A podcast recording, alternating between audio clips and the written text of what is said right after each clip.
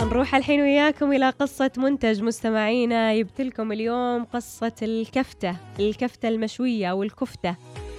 أيا كان النطق مستمعينا كلنا نعرف الكفتة والأغلب يمكن يحب هذه آه، الوجبة اللذيذة. ولكن هل سمعتم من قبل عن قصة كفتة داود باشا؟ وليش ارتبط هذا آه، الطبق باسم داود باشا؟ ومن هذا داود باشا؟ ولماذا أطلق على هذا الطبق اسم كفتة؟ أول شيء مستمعين أخبركم عن أصل كلمة كفتة أو كفتة. هي كلمة فارسية الأصل وتعني مسحوق. لذلك أطلقت على اللحم المفروم والمضاف إليه التوابل بعد سحقهما وخلطهما ببعض وقد يضاف إليه الأرز أو لا. ثم تشوى على الفحم أو تقلى في الزيت فتؤكل مقلية أو تغطس في الصلصة. بعد آه، قليها لتصبح قطع اللحم ناعمة تذوب في الفم. قصة كفتة داود باشا مستمعينا يقولكم ارتبطت الكفتة باسمه ومن ينطق اسم كفتة داود باشا يحس كذا إنه فخامة يعني كأنه اسم ملك من هذا داود باشا اللي سميت الكفتة باسمه. يقولكم مستمعينا بعد دخول العثمانيين إلى مصر حكمها 129 والي. طبعا منهم من تولى المنصب مرتين وأكثر ولكن جرت العادة على ألا يستمر الوالي في حكمة لفترة طويلة لمخاوف سلطانية حتى لا يقوى دور الوالي في البلد اللي يحكمه وتراوده أحلام الانفصال عن الدولة العثمانية. ولكن داود باشا مستمعينا حكم مصر لمدة 11 عام.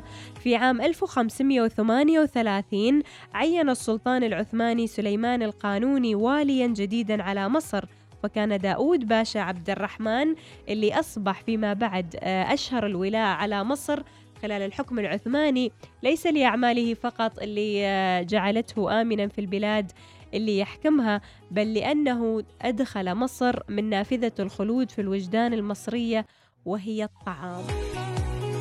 يقولكم في بداية آه، توليه حكم مصر واجه داود باشا إشكالية حيث رفض الأزهر القبول به حاكما لأنه كان في السابق عبدا وكان الأزهر يرفض في ذلك التوقيت أن يكون الحاكم كذلك. ولكن بسبب حب المصريين لداود واقتناع العثمانيين به استطاع إقناع الأزهر بدوره وساهم في عمل إصلاحات كثيرة للبلاد فأحبه المصريون وحافظوا على مسجده اللي يحمل اسمه إلى الآن في منطقة سويقة اللالة بالسيدة زينب.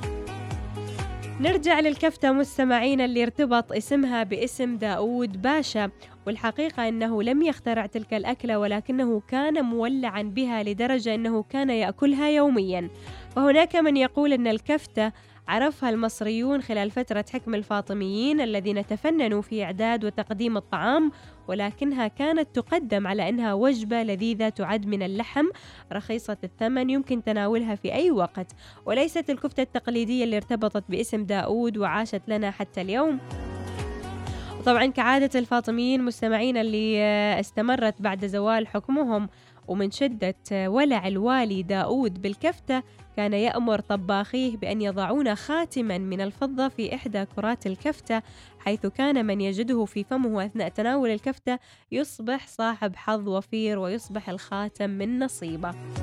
يعني لهالدرجة كان يحب الكفتة فكان يسوي آه هذه الأشياء. طبعا عن شهرتها مستمعينا وارتباطها باسمه هناك حكاية تعود إلى أن في ذات يوم أخطأ طباخ داود باشا في مقادير أعداد الكفتة للوالي فقام بمعاقبة الطاهي عقابا اشتهر وحلف به المصريون ومن هنا ارتبط الكفتة باسم داود باشا. هذه قصة منتج لليوم مستمعينا تعرفنا وياكم على قصة الكفتة.